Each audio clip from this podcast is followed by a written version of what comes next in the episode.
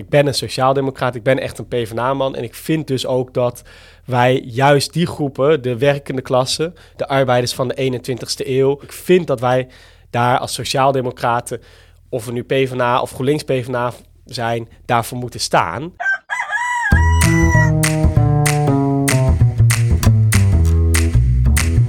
Ja, welkom bij de podcast uit Liefde voor Groningen. En dat doe ik natuurlijk weer met mijn sidekick eh, Danny Koolthof. En een speciale gast eh, vandaag, eh, kunnen we wel zeggen. Julian Bushoff, de nummer 8 op de kandidatenlijst van PvdA GroenLinks. En al een jaar Kamerlid. Ehm, even kijken, we beginnen met, je bent een jaar Kamerlid. Dat is allemaal leuk en leerzaam. Maar wat is er nou echt verschrikkelijk aan? Gelijk een goede binnenkomer, hè? ja. Nou, wat er echt verschrikkelijk aan is, is misschien overdreven. Maar wat wel jammer is, is dat je daarvoor veel in Den Haag moet zijn. Ja. Nou, deze podcast heet Uit Liefde voor Groningen. En ik heb ook wel wat liefde voor Groningen. Dat is wel echt mijn, mijn stad, mijn thuis. Ja. Uh, dus ik kom hier elk weekend ook gewoon graag terug. Maar het is soms wel jammer dat je hier alleen in het weekend bent en minder dan dat ik hier vroeger was. Ja, precies. Want, want hoe zit het precies? Je bent vijf dagen per week, ben dan in Den Haag, de andere twee dagen in, uh, in Groningen? Ja, ik probeer wat meer nog in Groningen te zijn. Dus als het even kan, dan uh, probeer ik hier vrijdag al te zijn en dan zondagavond of maandag pas weer heen te gaan. Dus uh, drie dagen ongeveer Groningen, vier dagen Den Haag is denk ik waar het meeste op neerkomt. Ja. Maar zodra ik kan, ga ik terug naar Groningen. En wat, wat, wil je altijd doen als je in Groningen bent? Ik heb, vind het hartstikke leuk om of even te sporten met vrienden, maar ook gewoon een biertje te drinken in de kroeg hier in Groningen. Um, even over de markt te lopen, gewoon even in mijn thuisstad weer te zijn. Ja, precies. Zeg maar. Favoriete café? Uh, poeh. Ik hou van uh, bruine kroegen op zich met dit weer. Hè. We zitten ja, ik weet niet wanneer mensen het luisteren, maar op dit moment is het gewoon best grijs, grauw, uh, koud, regenachtig. Dus dan is zo'n bruine kroeg als de Minnaar of de Woldhoorn of de Pint.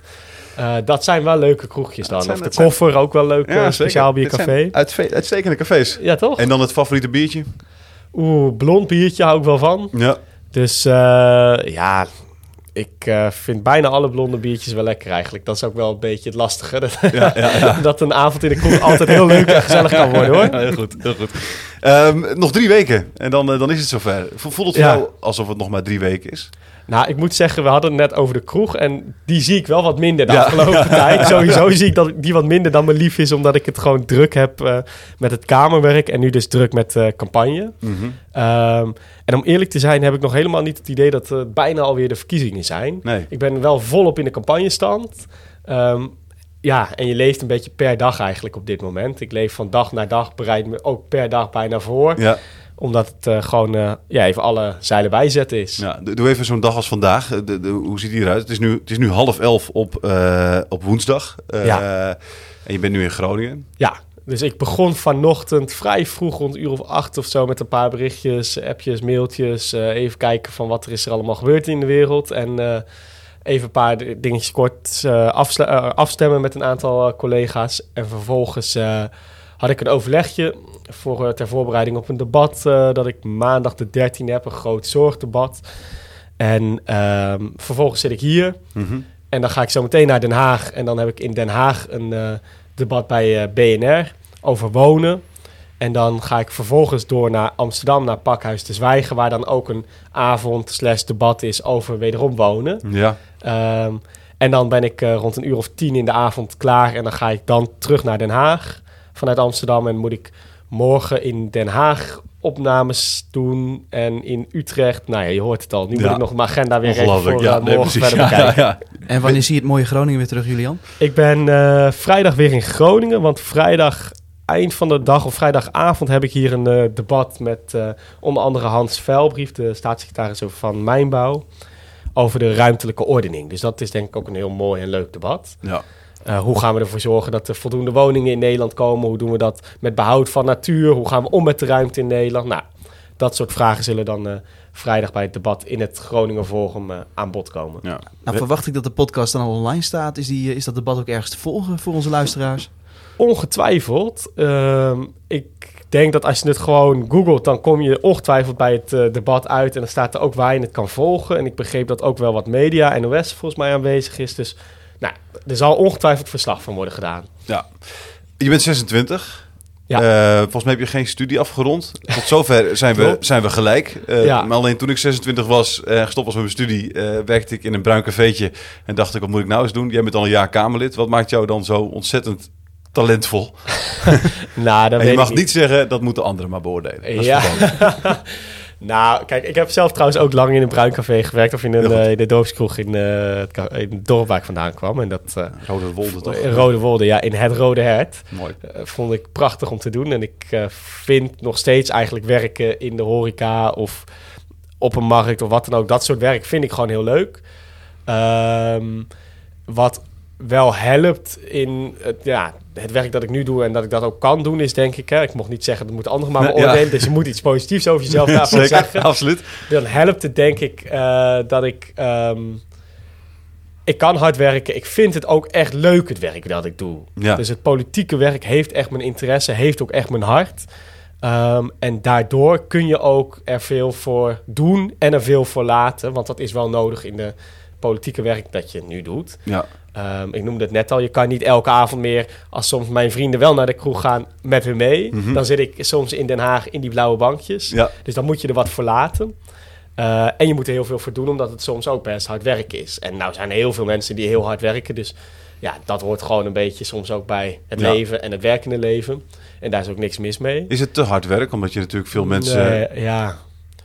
Ik ken die signalen en ik Ja. snap dat. Ik heb er zelf niet... eh, zelf denk ik, het is soms hard werken, ja. En Ja. dat hoort erbij. En ja, daar moet je mee dealen. En ik denk dat misschien een van de dingen die mij gegeven is... dat ik daar goed mee kan omgaan. Ja, Tot nog toe dan. ja, ja, dat is fijn.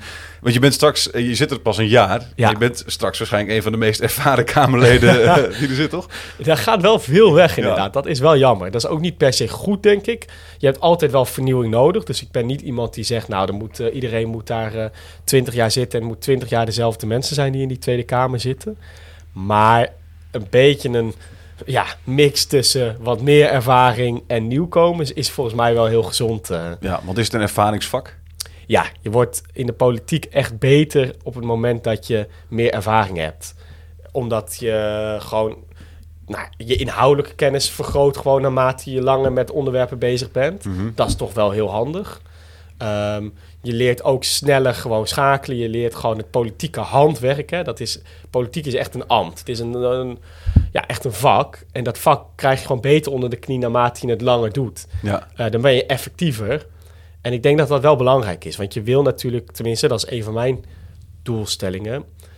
In de politiek zit je met idealen. En je wil ook een deel van die idealen bereiken. Je wil concrete resultaten behalen voor de mensen waarvoor je er zit. ja.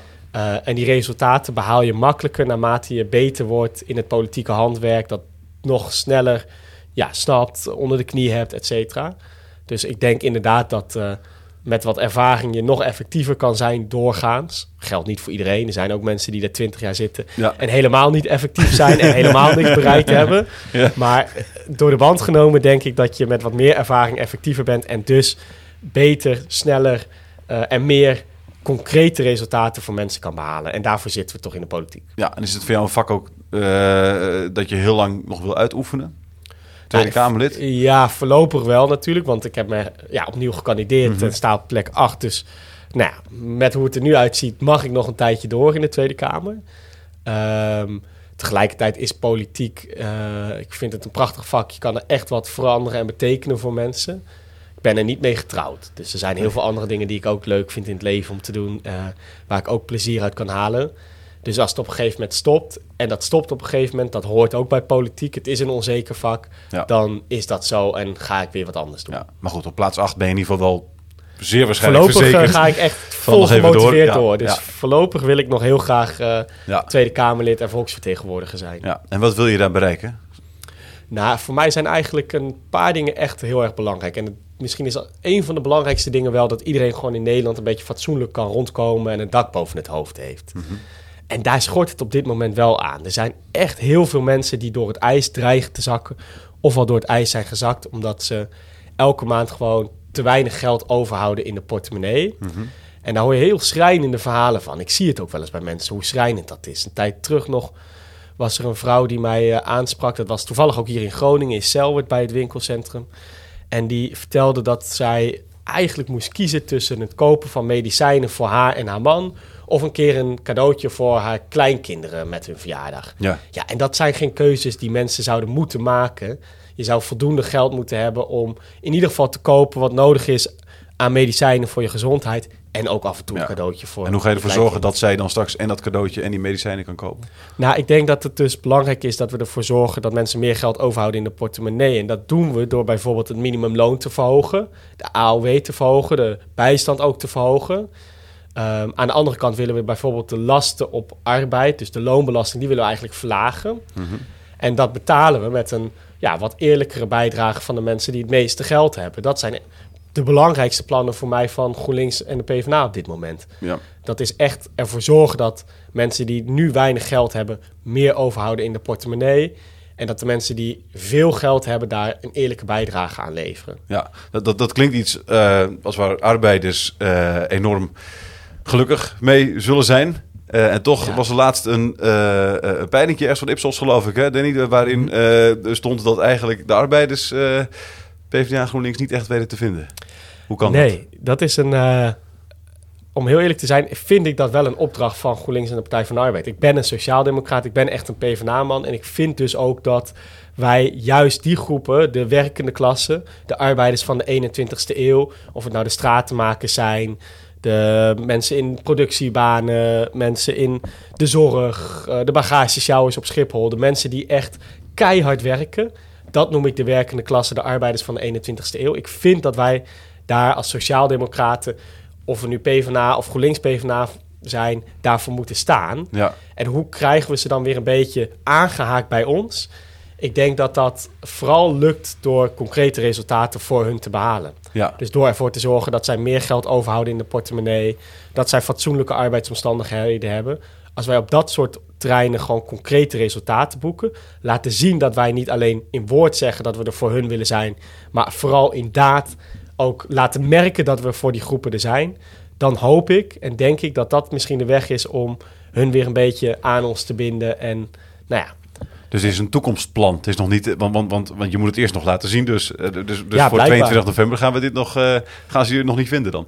Nee, blijkbaar, als je zegt hè, uit de peiling bleek dat ze nog weinig Mhm. ons vinden, dan is dat blijkbaar nog een hele grote opgave. Ehm, en ik denk dat we die opgave vooral nou ja, eh, het hoofd moeten bieden door dus die concrete resultaten na 22 november te behalen. Mhm. En voor die tijd hoop ik dat mensen zich aangetrokken voelen tot ons, omdat we de plannen hebben Ja. voor hun om iets voor hun te betekenen. Is het frustrerend dat ze, dat ze dan nu voor andere partijen kiezen waarvan jij ongetwijfeld al vindt dat die er niet voor hen zijn?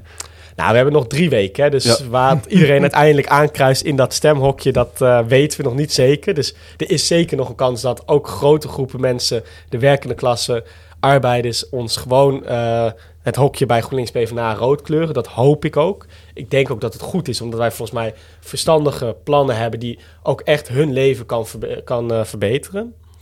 Ehm, dus dat hoop ik echt en daar gaan we ook volop inzetten. Is het frustrerend als mensen niet op je stemmen? Ja, ja, tuurlijk. Je wil gewoon uiteindelijk dat mensen op je stemmen. Ja. Omdat je denkt dat je de beste plannen voor Nederland hebt. En Als je iemand op straat spreekt en die zegt ik stem op partij X en partij X, ja, wat weet, vind jij van ja, maar die is er niet voor jullie? Heb je niet, heb je niet zin om iemand dan nou, elkaar te schudden en te zeggen wordt, nee, nou, nee, ik zie het vooral ook als wel opgave aan onszelf dan. Dat we Ja. blijkbaar niet in staat zijn geweest of in staat zijn om mensen ja, ervan te doordringen dat wij, wij er voor hun zijn. En dat ze zich bij ons ehm, nou ja, aan het goede adres zijn als ze willen dat hun situatie verbetert. Dan moeten we ofwel daar meer voor hun doen in concrete resultaten behalen, ofwel dat beter over het voetlicht weten te brengen. ja. Deze, die- toen je door de deur kwam hier, ik weet niet of je Ja. de poster hebt gezien, Ja, die erop stond. eh, aan de buitenkant. Aan de buitenkant, aan de buitenkant. De deur wordt nu even open gedaan door Rickert. Ja, het moet anders. Samen kunnen we dat. Ja. Ja, Jouw grote voorbeeld geloof ik ook, toch? Ja dat zegt Joop daar, den eh. L. Ja. Ja.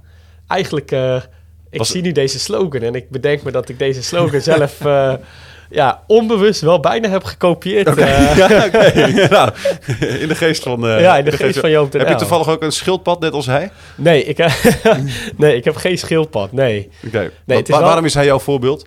Nou, kijk, ik heb niet zoveel idolen überhaupt nooit in mijn leven gehad. Mhm. Ik bedoel, ik vind sommige mensen inspirerend. Ik vind Nelson Mandela, Obama vind ik ook inspirerend. Mhm. Maar waarom ik Joop den L vaak aanhaal in politieke debatten... en ook wel een inspiratiebron vind... is om twee redenen. En dat zei hij vroeger ook altijd. Twee dingen. Ja. ook gejat van. Ja, dat is omdat hij ehm, één, volgens mij heel goed doorhad dat eh, er een tweedeling ontstond in de samenleving tussen mensen die het heel goed hadden en mensen die het niet zo goed hadden. En dat je oog moet hebben voor de mensen die het minder hebben en daarvoor moet opkomen. En dat ja, je dat doet door een klassieke herverdeling van kennis, macht en inkomen. Ehm, en dat is eigenlijk nog hartstikke actueel. Je ziet nog steeds een grote tweedeling in de samenleving. Misschien wel een groeiende tweedeling. En die kunnen we alleen te lijf gaan als we dus inderdaad dat, ja, weer dat klassieke herverdelen, weer een nieuw leven inblazen. Ja, Ehm, dus dat is het eerste waarom ik hem inspirerend vind. En het tweede waarom ik hem inspirerend vind, is omdat hij in staat was om hele grote groepen mensen aan te spreken. Van wetenschappelijk eh, geschoolde mensen tot praktisch lukte hem wel. mensen. Het lukte hem om die verschillende groepen waarom lukte het hem wel dan? Ja, dat vind ik een lastige. Ik denk dat dat ehm, kwam omdat hij volgens mij... Ja, ik vind het ingewikkeld om aan te geven waarom hem dat wel lukte. Maar ik denk dat het echt belangrijk voor daarin is dat je... ehm, nou, dat je met inhoud eigenlijk een verhaal vertelt... wat vooral aansprekend is ook voor de mensen die het dus minder hebben. En denken, ja, dat zijn inderdaad concrete punten... ehm, die hij over het voetlicht brengt, die ons gaan helpen. Dat deed hij. Maar hij deed het op zo'n wijze, op zo'n inhoudelijke wijze... dat ook mensen die misschien daar niet in eerste instantie bij gebaat waren... dachten van, hé, hey, dat is wel beter voor de samenleving. Dus ik Ja. denk dat hij liet zien dat een samenleving vooral werkt... als iedereen het goed heeft. Ja. En niet als een klein deel het goed heeft en ehm, een heel groot deel het niet goed heeft. Dus ik denk dat hij daardoor ja, in staat was om die verschillende groepen aan te spreken. Ja. De podcast heet natuurlijk Uit Liefde voor Groningen. Ja, Wat ga je voor Groningen doen? eh, een paar dingen denk ik die van belang zijn. We hebben hier in eh, Groningen natuurlijk te maken met ja, de gasellende. Mhm. Die heeft niet alleen scheuren in de huizen van mensen veroorzaakt, maar ook wel scheuren in de ziel van het Groningenland en van Groningen, zou je kunnen zeggen. Ehm, dus wat natuurlijk moet gebeuren is dat eh, Groningen recht wordt gedaan. Dat de ergste schades zo snel mogelijk en als eerste worden opgelost. Dat alle huizen versterkt worden.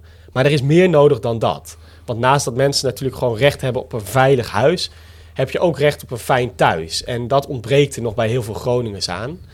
Ehm, en ik denk dat we dat nou ja, een beetje weer een stap in de goede richting kunnen zetten. Door aan de ene kant te zorgen dat iedereen dus een veilig huis heeft zonder scheuren. Aan de andere kant ook echt moeten investeren in de leefbaarheid van de dorpen in Groningen. Omdat die ook ontzettend onder druk En wat staan. moet daar gebeuren dan? Nou, we moeten er bijvoorbeeld voor zorgen dat er gewoon nog de bushaltes niet verdwijnen, maar dat de bus er rijdt. Dat het dorpshuis kan blijven bestaan. Dat de bibliotheek overeind blijft. Dat de sportclub en de zwembad overeind blijven. Dat dat soort essentiële voorzieningen die echt onder druk staan, ja, dat we die wel in de benen houden. Want dat, als die verdwijnen, dan verdwijnt daarmee ook de leefbaarheid in de dorpen en wijken in Groningen. En die Ja. staat al zo ontzettend onder druk door die gasellende. Dus enerzijds ervoor zorgen dat mensen gewoon een veilig en fijn huis hebben. En anderzijds echt investeren in die leefbaarheid door nou ja, ervoor te zorgen dat voorzieningen overeind blijven. Nou, en het andere? Wat ga je nog meer doen voor Groningen?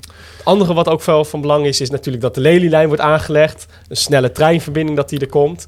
En voor Groningen is het ook gewoon heel erg belangrijk dat we ehm, ervoor zorgen dat mensen meer geld overhouden in de portemonnee. Groningen is een relatief arme provincie. Ja.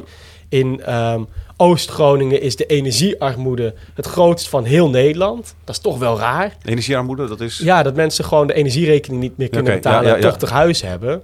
En dat vind ik raar, omdat Groningen eh, de energieprovincie was van Nederland. Ja. Wij hebben voor heel Nederland eigenlijk eh, energie geleverd, gas geleverd. Daar heeft heel Nederland enorm van geprofiteerd. En de mensen, in dit geval in Oost-Groningen, die zitten dan in tochtige huizen met een torenhoge energierekening en een laag inkomen. Dus ja, voor Groningen is het ook heel belangrijk dat wij ervoor gaan zorgen dat huizen, juist van de mensen met weinig geld, zo snel mogelijk geïsoleerd worden.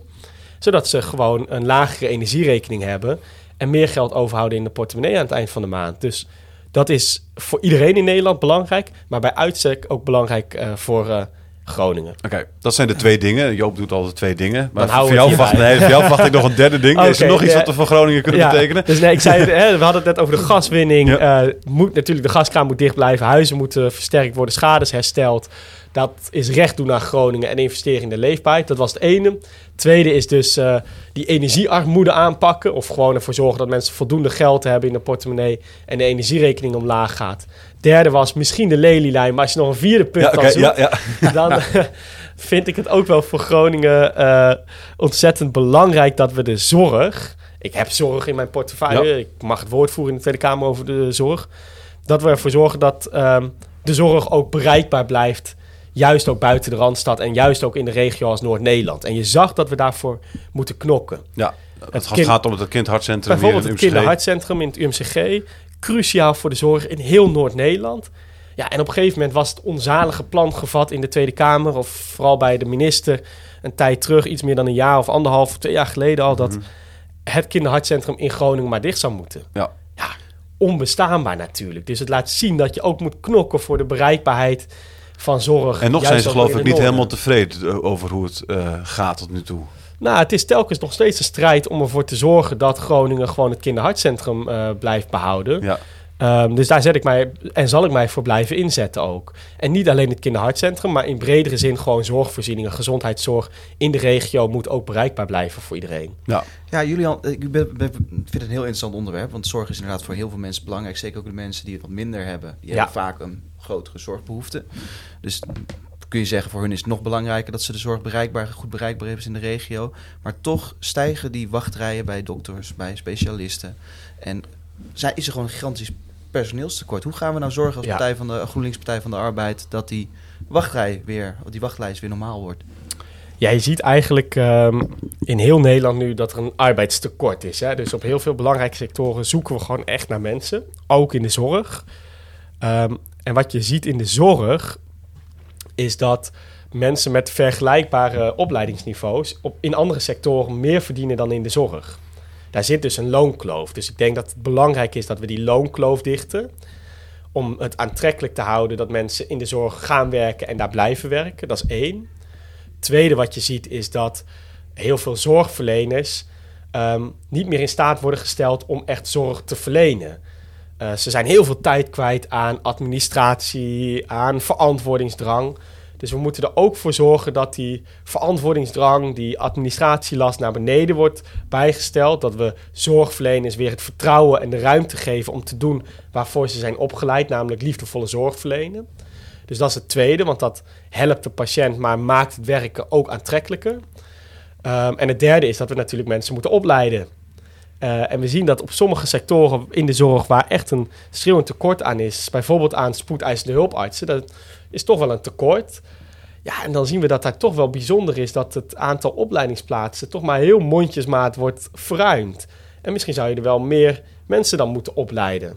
Dus eh, één, zorgen dat mensen voldoende verdienen in de zorg. Dat dat vergelijkbaar is met andere sectoren. Twee, het vak, de arbeidsvoorwaarden aantrekkelijker maken. Met name door dus die administratieve lasten te verlagen. En mensen vertrouwen te geven in de zorg. En drie, voldoende mensen opleiden. Helder. Ja, dankjewel. Hoe gaan de komende drie weken nog eh, eruit zien? Is het elke dag van 6 tot, eh, tot 12 eh, op pad eh, en dan helemaal kapot zijn op 22 november? Of, eh? Ongeveer, ja. Zo Ja. zien de campagnes de doorgaans wel een beetje uit. Ja, ja. Eh, en dan eh, tot slot eventjes, even voorspellingje. Altijd leuk. Hoeveel zeteltjes? Oh, Hoeveel ja. zeteltjes? Oh. Altijd goed. Dat, eh, ja, ze zeggen altijd dat je als politicus je Niet moet doen, laten verleiden. maar ik. ik. ga wel iets zeggen. Ik Oh, ga leuk. namelijk zeggen dat ik wil en ik hoop en dat ik daarvoor ga dat wij de grootste worden als GroenLinks PvdA. Heel goed. Dankjewel. Dankjewel dat je er was. Dankjewel. Leuk.